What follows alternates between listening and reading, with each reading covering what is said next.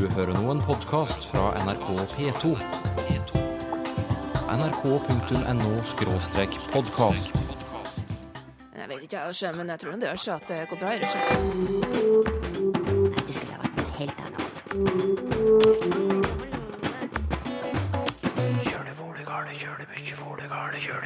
Det erkenorske ordet dugnad sprer seg i Sverige. Jeg tror at det nemlig er en på Svenska Turistforeningen som han har gjort seg litt til ambassadør for dugnad. Han vil at dugnad skal få feste i svensken. Når dansk ungdom skriver på Facebook, gir det status å kunne stave riktig. Dårlig stavning det blir knyttet til øh, verdier som øh, dum og uintelligent osv. Så det ligger makt og posisjon i det å kunne stave riktig, da. Det gjør det helt bestemt. Har du et ord for dagen, Sylfest Lomheim? Pump. Pump. Hva er det? En litt sånn mm-mm-fyr. At han var eh, Ja, dette ser vi fram til å høre mer om. Det er ikke mange norske ord som har funnet veien over til Sverige. Men nå viser det seg at ordet dugnad, som ble kåret til Norges nasjonalord for eh, drøye ti år siden, det har fått et liv på den andre siden av kjølen. Blant annet har den svenske turistforeningen tatt det i bruk. Så jeg tycker det er et helt suverent suveränt ord og, og eh, det finns ju inget ord egentligen som kan eh, ersätta det i, i, i det svenska språket utan det är ju, då får man skapa ett nytt ord i så fall och då tyckte jag det var enklare att, eh, att eh, låna ert norska ord som är ett väldigt fint ord. Det var Gøran Forsell som introduserte ordet dugnad for den svenske turistforeningen. Ja, jeg har jo bygd opp hele, hele verksamheten kring ordet dugnad. Vi har dugnadsarbeidere, vi har dugnadsledere, vi har dugnadsprojekt, dugnadsoppdrag, dugnadssamordnere, som, som jeg selv är. Men dugnadskoordinator Gøran Forsell i den svenske turistforeningen er også ambassadør for ordet dugnad på andre arenaer. Han har annet foreslått det som årets nyord i Sverige flere ganger, og vil foreslå det igjen helt til det blir antatt. Absolutt. Enda til det blir det. Men om dugnad ikke har blitt årets nyord i Sverige ennå, er det iallfall ukens, eller vekkens, nyord i den svenske utgivelsen Språktidningen. Eh, Vi har sett en økt anvending, og da er det verdt å rapportere om det. Sjefsredaktør Patrik Hadenius registrerer økt bruk av dugnad i svensk, og er begeistret for det nye ordet. Jeg tycker att det her er ekstra roligt for det er ju inte jättevanligt att vi lånar in ord från norska och danska så här, på, på det här sättet. Det är ju vanligast att vi lånar in från engelska. Men dugnad, att låna in det ordet, det tycker jag är jätteroligt. Sa Patrik Hadenius i Språktidningen. Han forteller også at selv ble han kjent med ordet dugnad i Strømstad for rundt 20 år siden. I Strømstad er det jo mange nordmenn som har hytte, så da er det sikkert dugnader der også. Men nå til deg, språkforsker Ylva Byrman ved Göteborgs universitet. Hva vet du om bruken av det erkenorske ordet dugnad i svensk? Ja, man får vel si at det enn så lenge er eh, sporadisk. Eh, det er ikke noe som, det er ikke et vanligt ord og de fleste har aldri hørt det. Utan man får noen treffer når man søker på det. Men sen så søkte jeg også på sammensetningen dugnadsarbete. Och då får man också några få träffar. Och många av dem ligger faktiskt ganska nära norska gränsen. Eh, Jag har till exempel hittat i protokoll från föreningar som ligger nära norska gränsen. Eh, Som i Dalafjällen, precis vid norska gränsen så står det något om att slyröjning kommer att behöva göras på en del ställen. Men det får bli som dugnadsarbete framåt hösten. Och så är det någon eh, bostadsrättsförening som pratar om hur de ska göra med sina sopor, om de ska hitta en lämplig entreprenör eller om de ska försöka eh, lösa det då som dugnadsarbete. Men det som då är eh, eh, där man använder det lite mer frekvent och systematiskt, det är just då Svenska turistföreningen som har bestämt sig för att använda det här på sin webbsida. Mm. Så de pratar om dugnadsarbete och då förklarar de fenomenet och säger att det är ett norskt ord från början och nu har vi också börjat dra igång olika dugnadsprojekt. Hvorfor har dere ikke et eget ord for fenomenet dugnad i, i det svenske språket?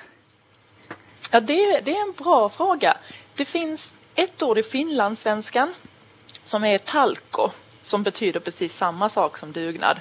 Och talko är ju då ett lån från finskan och det är därför det har plockats upp i finlandssvenskan.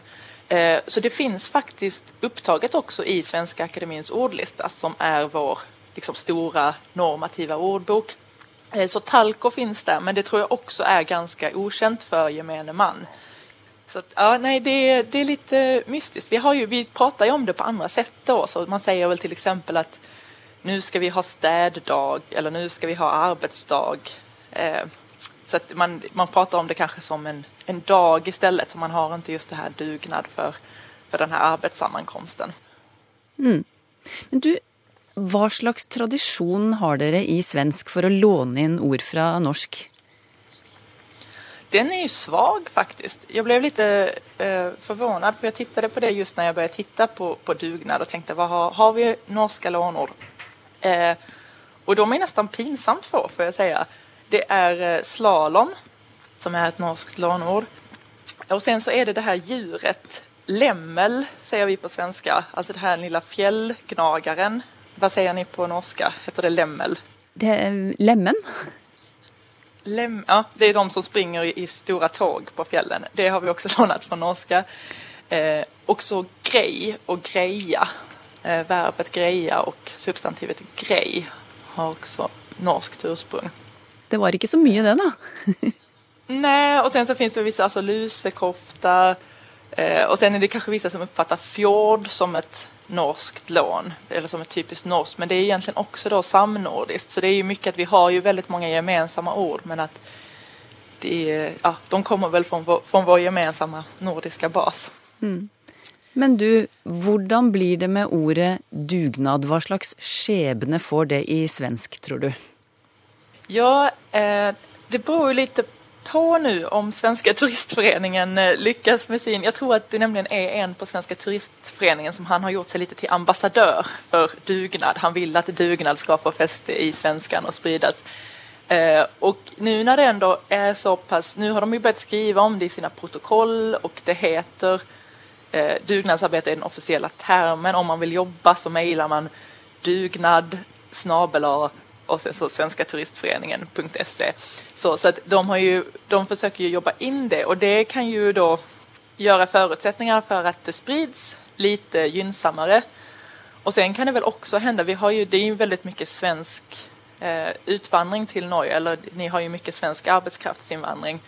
Och då, de som är där lär ju sig vad dugnad är oftast och då kan det ju hända också om de flyttar tillbaka till Sverige eller om man har mycket kontakt att det också kan vara någon slags etableringsgrund. Om, om de här arbetskraftsinvandrarna flyttar hem till Sverige så kanske de tar med sig fler norska lånord. Jag vet inte.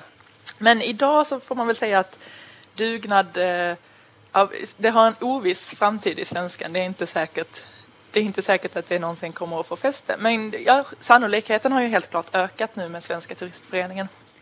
Økt sannsynlighet for at ordet dugnad vil spre seg i Sverige, nå når den svenske turistforeningen har begynt å bruke det. Det spår iallfall språkforsker Ylva Byrman ved Göteborgs universitet.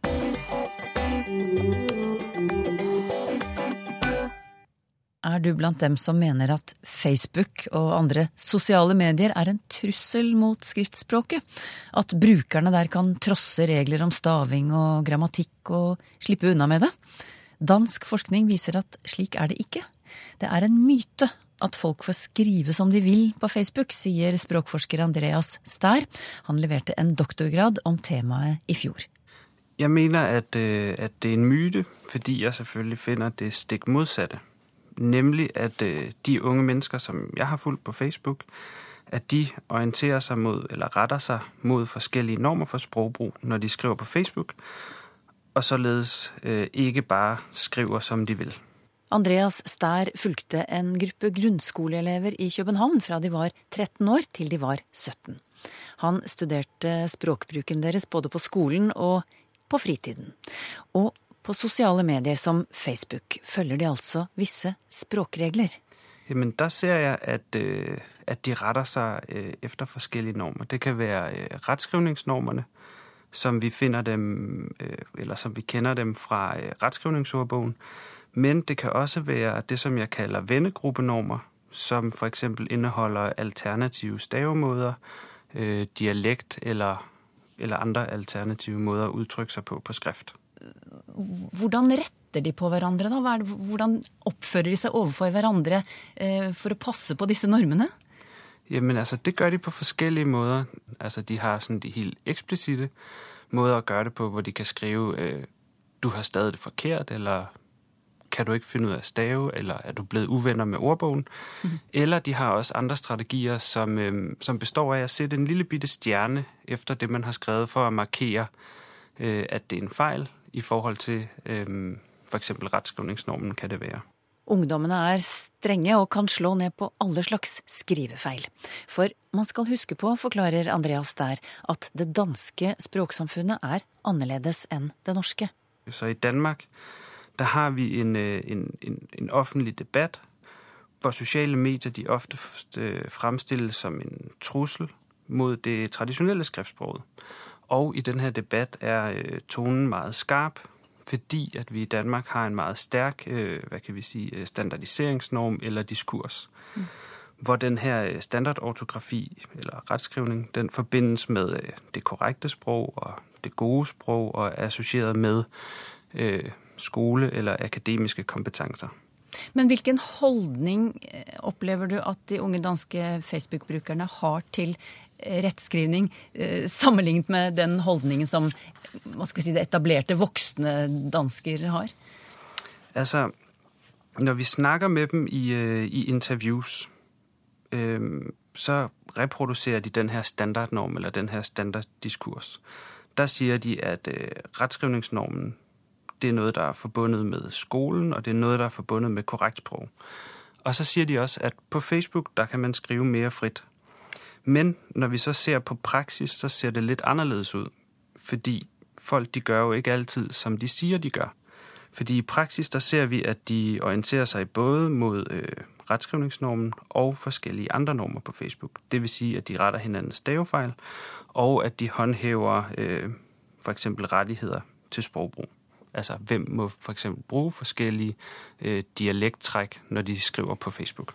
Noen regler handler altså om dialektbruk på Facebook, eller bruk av spesielle ord som f.eks. gateslang. Og hvem som har rett til å bruke disse ordene, forhandler ungdommene om seg imellom. Så i noen situasjoner kan, kan, kan noen ha rett til å skrive på bestemte måter, mens de i andre situasjoner ikke har rett til det. Har du et eksempel på det? For eksempel, øh, hvis vi taler om, om gadesprog, ja. det som de unge kaller gadesprog. Ja. Jeg vet faktisk ikke, hva de kalder det på norsk. Nei, vi kan jo si gatespråk, kanskje. Ja. Mm.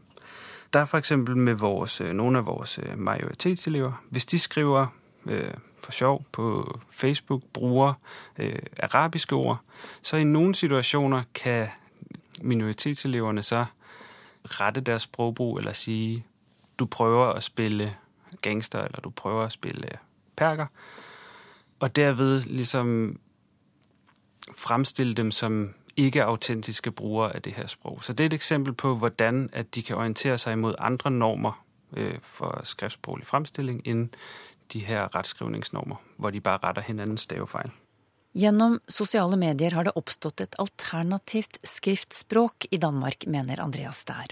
Han kaller det et hverdagsskriftspråk, i motsetning til et formelt skriftspråk, det vi f.eks. bruker i en jobbsøknad. Og det, det nye ved det her hverdagsspråk, det er, at der dannes øh, nye normer for skriftsproglige praksiser, der eksisterer ved siden av de normer, som vi allerede kender fra for eksempel retskrivningsordbogen. Og de nye normer, det er de her øh, vennegruppegenererede normer. Altså de normer, som de unge de selv skaper sammen i interaksjonen med hinanden. Øhm, og så kan man så spørge, hva har det så betydet, at der oppstår de her øh, nye normer for øh, skriftspråklig øh, udfoldelse? Og det har rent faktisk resulteret i, øh, hvad man vil kunne kalde en afmonopolisering af skriftsproget, både i, øh, både i de offentlige og i de private rum. Ja, Hva ligger det? Der ligger det i det, at øh, den her afmonopolisering, det betyder, at retskrivningsnormen ikke længere er den eneste gældende norm for at udtrykke sig på skrift i dag. Unge Facebook-skrivere følger altså en annen norm enn den offisielle danske skriftspråknormen. Deres norm er bredere og mer fleksibel. Hvordan påvirker det dem når de skriver i andre sammenhenger?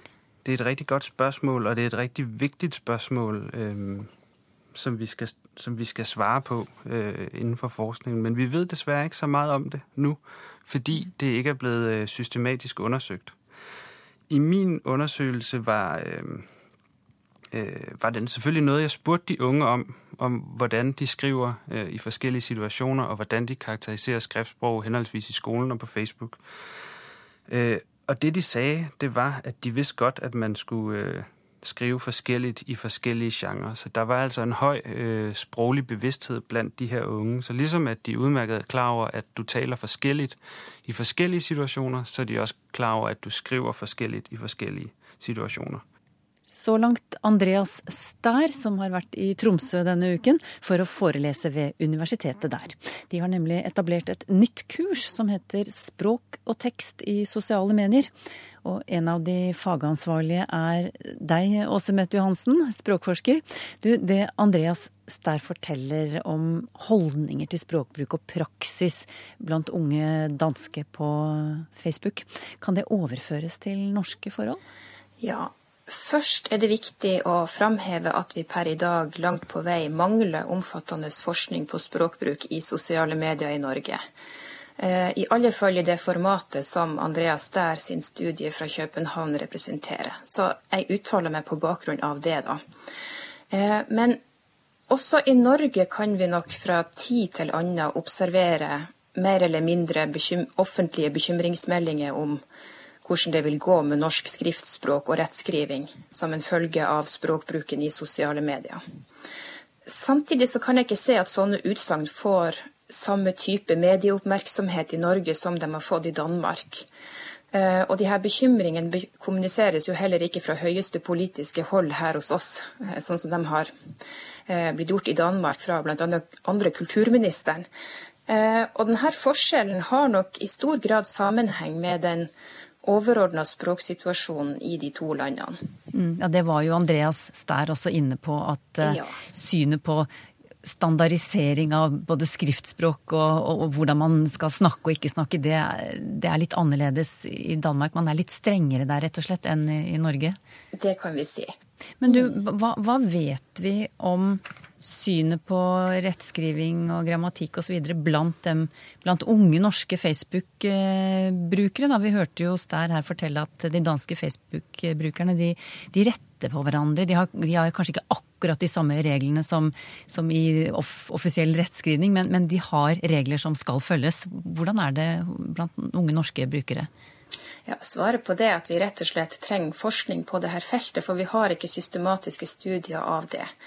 Eh, i det hele tatt. Men det vi jo med letthet kan observere i Norge, er at det er veldig utbredt å skrive eh, på dialekt eh, i sosiale medier. Og det er ikke bare ungdommer som gjør det, men også voksne.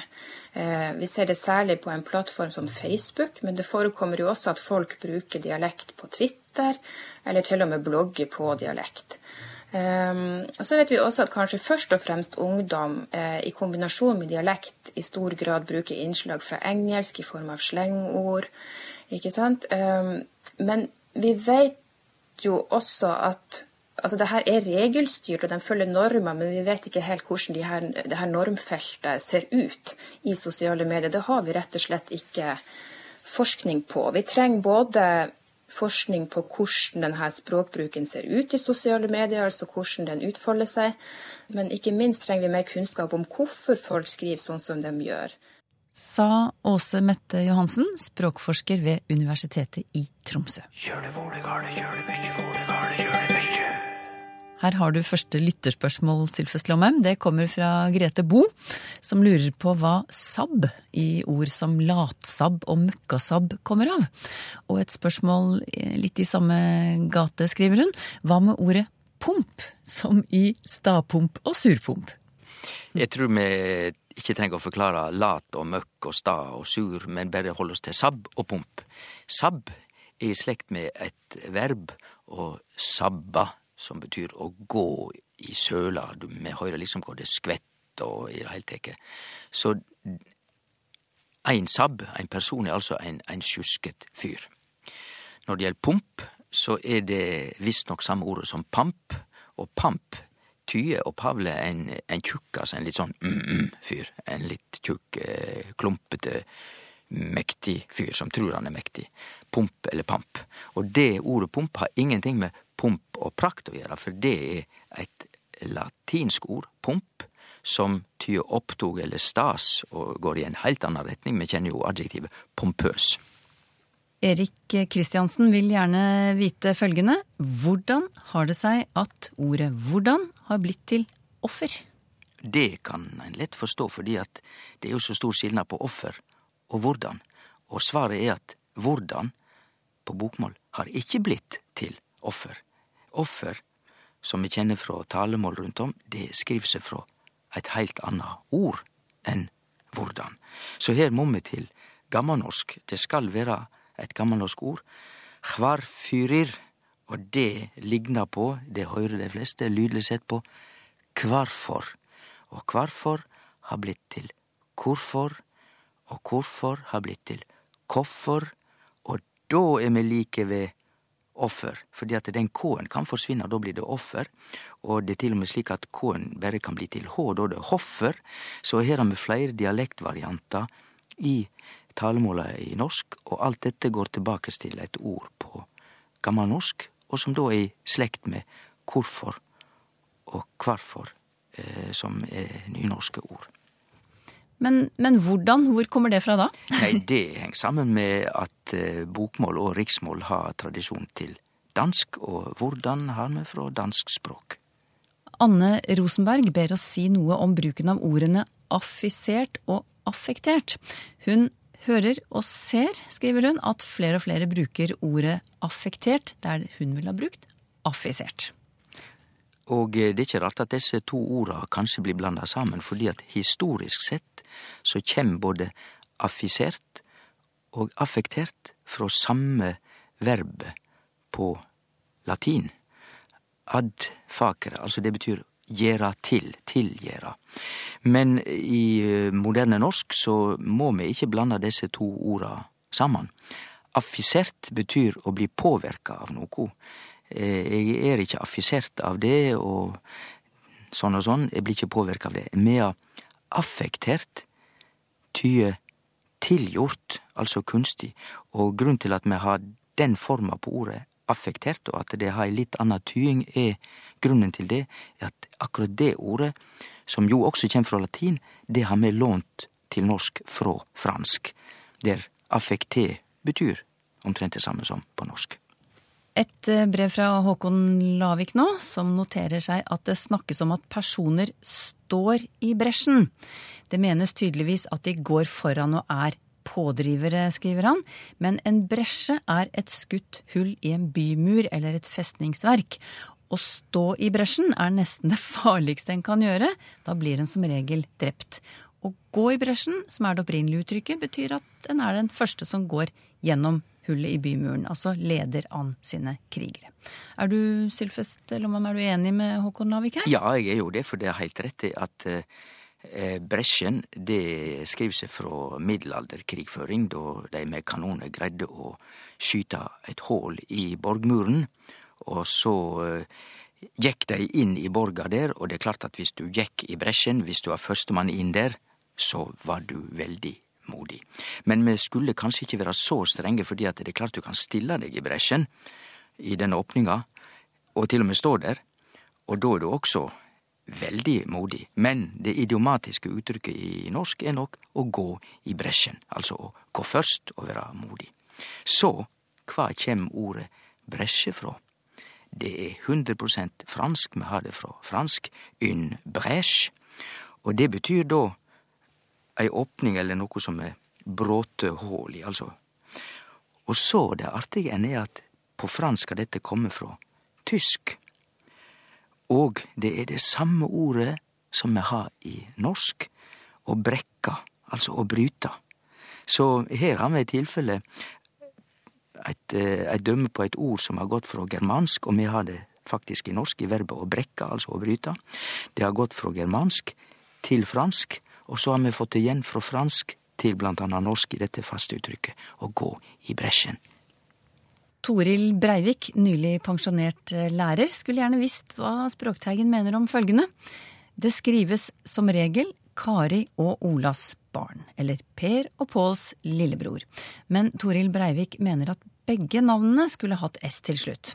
Hvis ikke, skriver hun, står det jo faktisk noe annet enn det som er ment. Kari og Olas barn betyr da Kari og noen barn som Ola er far til. Eller Per og Påls lillebror betyr Per og lillebroren til Pål. Og så lurer hun på om hun er inne på noe her. Som god lærer så ser hun at det kan stilles spørsmål om ting. Det er flott. Det korte svaret er at begge deler går i norsk. Det går an å skrive både Kari og Olas barn, og også Karis og Olas barn. Men strengt tatt så betyr ikke da dette det samme, fordi at skriv med Kari og Olas barn, så er det Kari og Ola, Kari og Ola, og de har barn, altså Kari og Olas barn. Men hvis vi skriver Karis og Olas barn, så kan vi iallfall tolke det som Karis barn og Olas barn, og at ikke det nødvendigvis da er samme barn det er snakk om. Vi har eit nydeleg døme på akkurat denne problemstillinga i den nyare norske litteraturen vår. Ei bok av Edvard Hoem kom for nokre år sia, og den heiter Mors og fars historie. Og det er en illustrasjon på samme problemstilling. Hvorfor skreiv ikkje Edvard Hoem mor og fars historie? Det kunne han sjølvsagt ha gjort, men poenget med den boka var at Edvard Hoem fortalte historia om mor og historia om far. Han forteller ikke historia om mor og far, for da måtte han ha skrevet mor og fars historie, men han kaller boka Mors og fars historie. Ei vakker bok, forresten. Men jeg har lyst til å eh, komme litt tilbake til eh, den tolkningen som Toril Breivik har. Hun sier Kari og Olas barn. Det Ja. mener hun kan forstås som Kari og barna til Ola. Det kan det også eh, tolkes som. Ja. I det hele tatt, så her er det ikke helt eh, Tolkinga er ikke gitt eh, sammenheng. Jeg vil nok sannsynligvis gi den rette tolkinga. Har du spørsmål til Språkteigen, skriv til teigen krøllalfa nrk.no. Eller du kan skrive til Språkteigen, NRK P2, 7005 Trondheim. Du finner oss òg på Twitter og på Facebook. Hva er dette? Fragun frokinano e ferhua vildi, gotano theudanar, golse kaupan. Urnordisk. Hm. Kanskje snakket vi slik 400-500 år etter Kristus? Eller fantes det ikke noe felles språk i Norden på den tiden? Språkteigen om en uke.